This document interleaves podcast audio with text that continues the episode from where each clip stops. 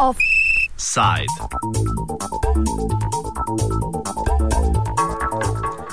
Na Hrvaškem se danes na delovnih mestih začenja dvotedensko glasovanje o morebitni izvedbi splošne stavke. Vlada namreč sprejema nov zakon o delu, ki po mnenju sindikatov slabša položaj delavca, njegovo socialno varnost in pogoje za delo. Vse to seveda za voljo večje fleksibilizacije, spodbujanja podjetniške pobude in kar je še podobnih visokoletečih floskul. Nov zakon o delu se sprejema tudi v Srbiji, kjer so splošne tendence podobne. To je slabšanje položaja delavcev na račun bogatenja kapitala. Vse skupaj pa lahko gledamo tudi v širšem kontekstu Evropske unije in zaganjanja gospodarstva po zadnji krizi.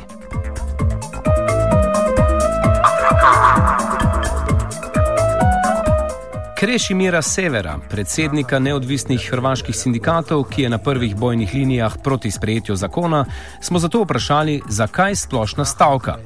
To bi bilo namreč prvič v hrvaški 20-letni samostojni zgodovini. Štrajk je edino, što je preostalo. Naime, mi smo izmjenama zakona o radu pregovarali više od godinu dana, ako se uzme u obzir i početak za prvu fazu pregovora gdje je izmjena zakona o radu u nekakvim usuglašenim dijelovima koji su vezani uz izmjene smjernice Europskoj uniji stupila na snagu polovicom prošle godine. Međutim, kad je riječ o ovim interesnim pitanjima, usporedno smo interesno razgovarali doista gotovo godinu dana, nešto manje, e, i pri tome se iskazalo sljedeće, da vlast forsira zajedno sa poslodavcima izmjene zakona o radu koji idu izravno na teret hrvatskih radnika uz obrazloženja koja ničim nisu argumentirali. Da pače, mi smo sa sindikalne strane svim argumentima opovrgli jednu po jednu točku od ovih ključnih točaka u fleksibilizaciji tržišta rada, međutim politika se na to nije obazirala. U jednom trenutku su sindikalne središnjice bile napustile pregovore, a onda su uz obećanje i pisano izjašnjenje ministra kako prihvaća najveći dio naših primjedbi, sindikalne središnjice odlučile vratiti se u pregovore i pregovori su nastavljeni da bi se na kraju ispostavilo da neovisno o tome što je ministar napisao i potpisao, da se toga ne drži i da i dalje idu sa izmjenama u istom pravcu. Usporedno s time planirao se donijeti i zakon o povremenim poslovima, nešto slično što je onaj zakon u Sloveniji o malom delu bio, što se najavljivalo, kad se gleda spojeno i zakon o radu i zakon o povremenim poslovima, to bi hrvatsko tržište rada doista preoralo i doista bi izvrgnulo sadašnje, ali i buduće radnike na milost i nemilost poslodavcima. Radnici bi bili obespravljeni, vezano i uz radno vrijeme i uz puno toga drugoga. E, oslobodio bi se prostor za aktivnije zapošljavanje E, radnika koji rade preko agencija za privremeno zapošljavanje. Tamo bi se kroz ovaj zakon o povremenim poslovima stvorili uvjeti koje smo znali često gledati onim starim američkim filmovima gdje su radnici na dokovima se pojavi predstavnik nekog od poslodavaca i da od njih par stotina izabere dva ili tri, a ostalima kaže više sreće sutra. Upravo negdje na toj razini predlagao se i zakon o povremenim poslovima, tako da kako više dalje nije imalo smisla pregovarati, sindikalne središnjice su i njihovi predstavnici, ali na inicijativu koja je došla od ozdo, koja je došla od radnika, od članova sindikata, odlučili prekinuti pregovore, dati svoja pisana obrazloženja zbog čega odbijaju pojedine članke i to je upućeno i krenuti u pripreme općega štrajka. U međuvremenu je vlada odlučila privremeno ne aktivirati prijedlog zakona o izmjenama zakona o radu, odnosno novi zakon o radu i ne uputiti ga u Hrvatski sabor krajem prosinca, no mi nikada o tome nismo dobili nikakvu obavijest, a najavljeno je da će prijedlog zakona negdje polovicom siječnja ići u proceduru. Prema tome mi smo se u međuvremenu pripremili i odlučili smo organizirati ovo osobno izjašnjavanje za opći štrajk. Usporedno smo iz medija pročitali u jednom od intervjua ministra rada da je odlučeno od strane vlade povući i prijedlog zakona o povremenim poslovima. ništa od toga nije upućeno prema sindikatima, dakle sve smo čuli iz medija, osim toga procijenili smo da je to jedan strateški manevar vlade gdje ona procjenjuje situaciju i gdje će zapravo uputiti u proceduru ponajprije zakon o radu, a vjerojatno je ovaj drugi, i s obzirom da su u pregovorima iscrpljene sve mogućnosti, jer vlada nije prihvaćala argumente, nego ide pozicijom sile i većinu ruku u Hrvatskom saboru, nama doista nije preostalo ništa drugo nego pokrenuti ovo izjašnjavanje o općem štrajku koji bi trebao biti jedno od sredstava kako braniti hrvatsko tržište.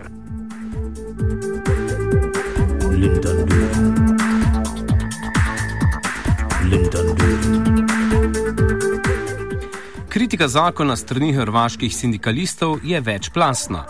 Severja smo zato vprašali, katere so tiste točke, ki jih najbolj želi izpostaviti in ki najbolj škodujejo položaju delavca.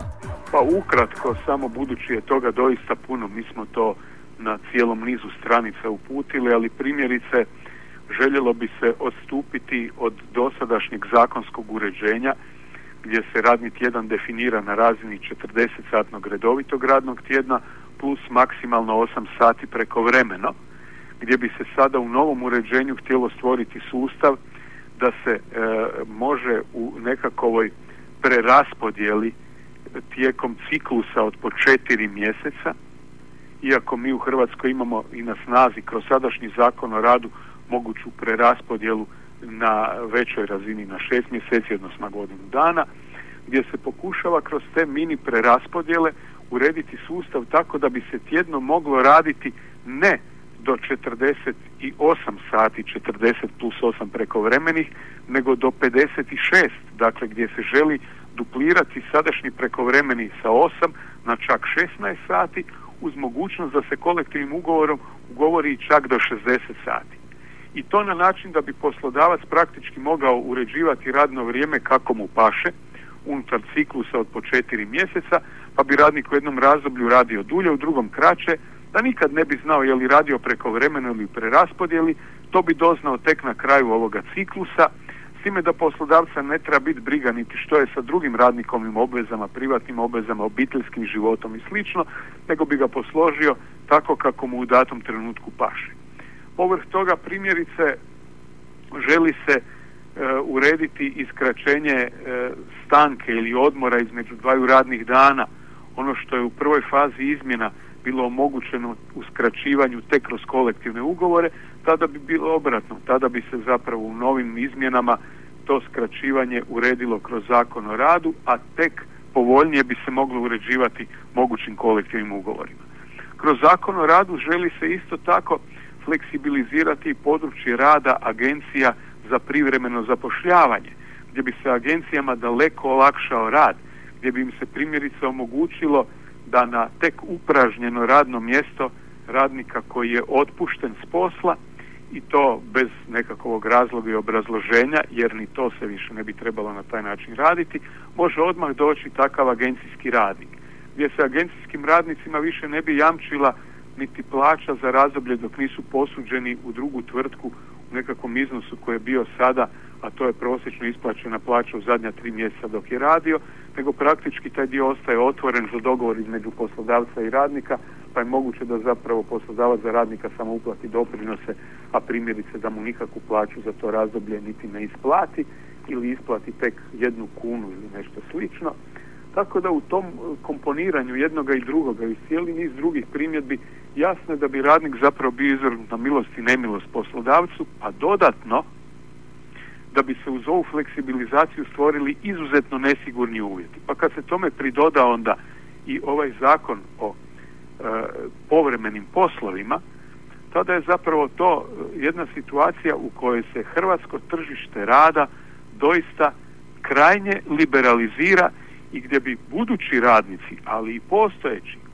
imali apsolutno nesigurne uvjete rada, e, gdje bi mladi ljudi imali potpunu nesigurnost, gdje bi se zapošljavali ili na određeno vrijeme, ili preko agencija za privremeno zapošljavanje, ili na poslovima koji su samo okarakterizirani kao povremeni poslovi,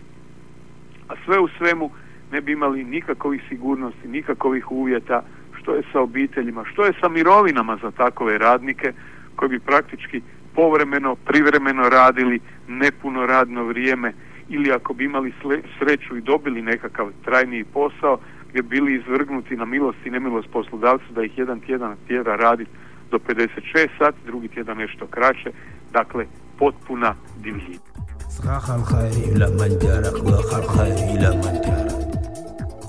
Za kritiko srpskega zakona o delu smo zaprosili Aleksandra Stojanoviča iz Centra za družbeno analizo in kolektiva Gerusija, ki tudi zagnal kampanjo, s katero želi, člani želijo opozoriti na slabosti, ki jih prinaša zakon. Smo počeli da radimo kampanju, v kojoj e, direktno tematizujemo pojedinačne članove. Mogu, mogu bih sada izdvojim nekoliko recimo. Dakle, jedna od osnovnih stvari je e, e, produženje roka rada na neodređeno vreme. Odnosno period u kom poslodavac ne mora da e, ponudi ugovor o stalnom zaposlenju svom radniku kada ga zaposli e, i taj rok koji je ranije bio 12 meseci, znači da ste posle 12 meseci morali da dobijete mogućnost da budete zaposleni, zaposleni za stalno kod tog poslodavca je sada produžen na 36 meseci. E, znači na tri godine. Ovaj, to je jedna vrlo problematična stavka zato što radnici, šta je ono što je potrebno poslodavcu koji je 12 meseci već u radnom odnosu sa određenim radnikom, šta mu je više potrebno da bi utvrdio da li mu taj radnik odgovara ili ne odgovara. Ovo je jedna jasno antiradnička mera koja prosto treba da omogući poslodavcu da u određenom periodu kada mu je potreban veći broj radnika zaposli, veći broj radnika ali da se ni na koji način ne obavezuje prema njima i da može da ih otpusti u bilo kom trenutku. Tako da ćemo verovatno imati poslodavce koji će imati veliki broj radnika zaposlenih na neodređeno, koji neće imati nikakvu sigurnost u vezi sa svojim zaposlenjem i koji će onda ih otpuštati, ponovo zapošljavati neke druge na neodređeno ako im bude potrebno i tako dalje. To je jedna mera, na primjer. Druga, recimo, mera jeste e, vezana za godišnji odmor. E, prema ranijim zakonu godišnji odmor je mogao da bude podeljen najviše na dva dela, što je u principu značilo da, da, e, bi, da bi radnik trebalo da ima dva odmora od 10 do 15 dana tokom godine i ti odmori su morali da budu, ako poslodavac je već i želeo da on odluči kada će biti odmori, to je moralo da bude najavljeno sa nekim dosta velikim periodom u napred. Sada se omogućuje poslodavcu da raspačava odmor na koliko god delova hoće, i omogućuje mu se da e, odredi kada će njegov radnik otići na odmor e, recimo 4 ili 5 dana unapred minimum. Što znači da ako, na primjer, poslodavac shvati da u narednih dve nedelje neće imati posla, on može da kaže svom radniku, iako je to, na primjer, mesec april, mart, četvrti, peti mesec u godini kada niko nema potrebu za odmorom, e, može da mu kaže, ok, ti sada moraš da ideš na odmor 4 ili 5 dana. To je bukvalno prinudni odmor. Ovaj, a da onda kada je zapravo vreme za odmore, kada svi želimo da odemo na more ili šta ja znam, da u tom trenutku radnik nije u mogućnosti da ode na odmor jer je potrošio sav odmor zbog te prinude poslodavca. Osim toga može da se pomene i e, e, takozvana mera, e, mera koja, koja bi trebalo da garantuje vreme pripravnosti takozvano vreme pripravnosti znači da radnik sada mora je zakonski obavezan da osim samog radnog vremena bude 24 sata dostupan svom poslodavcu. Što efektivno znači da poslodavac ima pravo da ga u određenom slučaju pozove i e, da ga prinudi da radi duplo radno vreme i tako dalje, bez nadoknade za prekovremeni rad ukoliko mu je to, to potrebno. Ako, ako ovaj, e,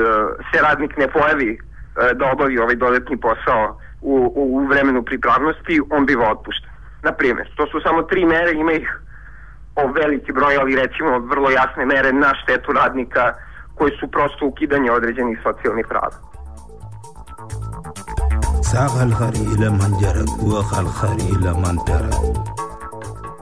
Stojanoviča smo vprašali tudi, kakšna je utemeljitev vlade za sprejemanje zakona, ki mu tako odločno nasprotujejo praktično vsi predstavniki delavcev in tudi mnogi drugi. Osnovno opravdanje vlasti za ove promene jeste da mi moramo da stvorimo e,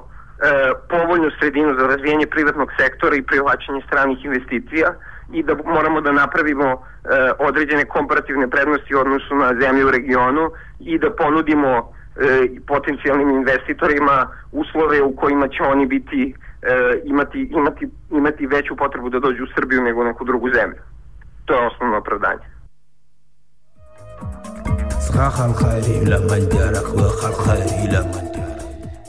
Ker je vsaj v regiji, najbrž pa tudi širše opazen trend liberalizacije trga delovne sile, pri čemer se vlade, ki zakone upeljujejo, pogosto sklicujejo na bolj ali manj eksplicitna navodila Evropske unije, smo hrvaškega sindikalista Krešimira Severa zaprosili, da pojasni, kakšna je vloga Evropske unije pri sprejemanju zakona. Ponajprije treba reći da i samo ministarstvo kao predlagač, ali i šire vidjeli smo prije nekoliko dana o tome je govorio i zapravo gotovo i mjesec dana prošao ministar financija kad je obrazlagao da je i ovaj prekomjerni deficit u koji je ušla Hrvatska nakon razgovora u, u Briselu da je dobio signale da bi trebalo eto i fleksibilizirati tržište rada zbog lakšega zapošljavanja i zbog izlaska iz krize. Tako da je očito da neko nekakvu ulogu ima i Europska komisija. Međutim, Jasno je s druge strane da po samom ustroju Europske unije Europskoj komisiji ne pripada pravo miješati se u unutarnje stvari zemalja ako su zemlje svoje zakonodavstvo uskladile sa smjernicama odnosno sa direktivama Europske unije, točnije rečeno sa europskom pravnom stečevinom. A budući je hrvatski zakon o radu usklađen sa europskom pravnom stečevinom, jer bez toga Hrvatska ne bi dobila zeleno svjetlo za pristupanje Europskoj uniji, za prijem u punopravno članstvo, jer je jedan od uvjeta za prijem u punopravno članstvo bilo i usklađivanje zakona o radu s Europskom pravnom stečevinom, jasno je da tu Europskoj komisiji ne proizlazi baš nekako dodatno pravo, već to može jedino promišljati na razini preporuka, ništa šire, ništa dublje od toga, ostalo je na e, vladama i na samim zemljama članicama. Dakle, ili si ovdje Europska komisija uzima veća prava od onih koja joj proizlaze iz samoga ugovora, ili to pomalo koristi i hrvatska vlada radi toga da olakša sebi ovu fleksibilizaciju koju je namjerila, a koja je potpuno na tragu onoga o čemu je razgovarala sa misijom MMF-a u Hrvatskoj, o čemu se razgovara sa Svjetskom bankom i o čemu zapravo govore i bonitetne agencije.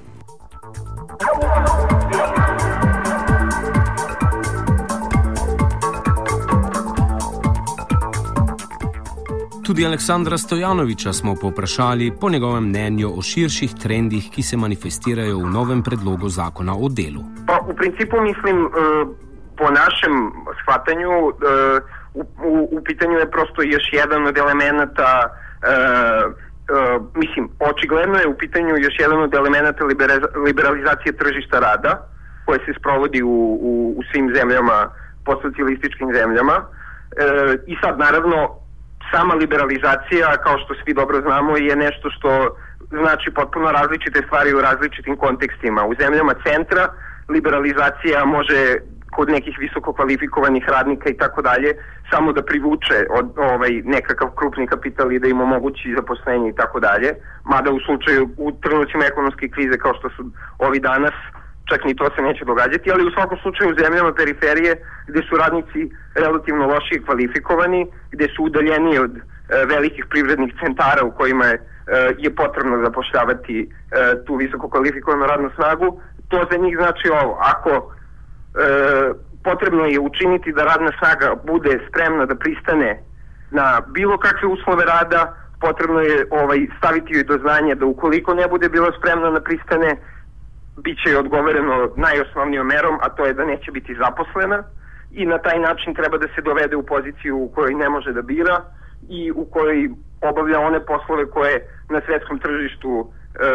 se, se, se joj budu dodeljeni, i da ih obavlja pod bilo kojim uslovima pod kojima to u datom trenutku kapitalu odgovara.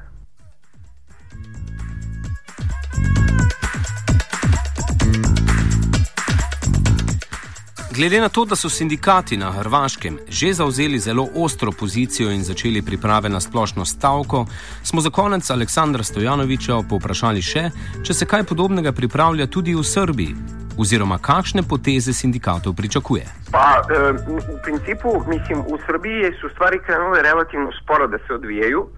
telo koje je donosilo zakon, koje je, e, koje to, to je pisalo predlog zakona, je se sastojalo, se zvalo, zove se socioekonomski savjet i sastojalo se i od zastupnika Unije poslodavaca i od zastupnika jednog dela sindikata, ovih reprezentativnih sindikata takozvanih, i samim tim računalo se na to da će sindikati biti inkorporirani u proces pisanja zakona i samim tim da će biti onemogućeno da oni u bilo kom trenutku povuku neke radikalnije mere u kritici zakona, izlazak na ulici i tako dalje. Međutim, ovo se nije dogodilo e, iz prostog razloga što je sam socioekonomski savjet bio vrlo disfunkcionalan i sastao se svega dve, dva puta i, sindikati su vrlo brzo videli da, da je to čisto formalna, formalni manevar bio vlasti da ih uključi u pisanje zakona i izašli su iz socioekonomskog saveta, što je učinilo da u trenutku kad je zakon napisan, da tek tada zapravo dođe, to je predlog zakona, da tek tada dođe do, do određenih reakcija i kako se vreme približavalo, pošto još uvek nije bilo jasno kada će se zakon zapravo uvesti, sindikati su polako počeli da, da, da intenziviraju svoju borbu, tako da smo imali dva relativno velika protesta u Beogradu od negde između 5 i 10 hiljada ljudi na ulicama. Još uvek nismo imali štrajkove, ali se i oni pripremaju. Naravno, sve zavisi i sindikati se dosta vode i prilagođavaju tome u kom trenutku će taj konačni predlog zakona zapravo ući u proceduru e, usvajanja, tako da nisu još uvek odredili E, ne možemo reći da su ove mere koje su sada nagovestili da će napraviti, da su to naj, najoštrije mere koje će preduzeti. Za sada, znači oni e, očekuju, oni, oni će verovatno napraviti još štrajkova, verovatno će biti i generalnih štrajkova na jedan ili dva dana, ali tek kad budemo znali e, da zakon ulazi u proceduru usvajanja, možemo da, e,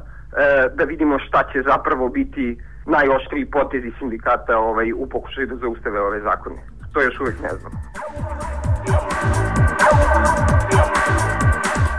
Z delavci, ki so se še enkrat več znašli v offsajdu, se je ukvarjal Jaša. Oh. Oh. Oh.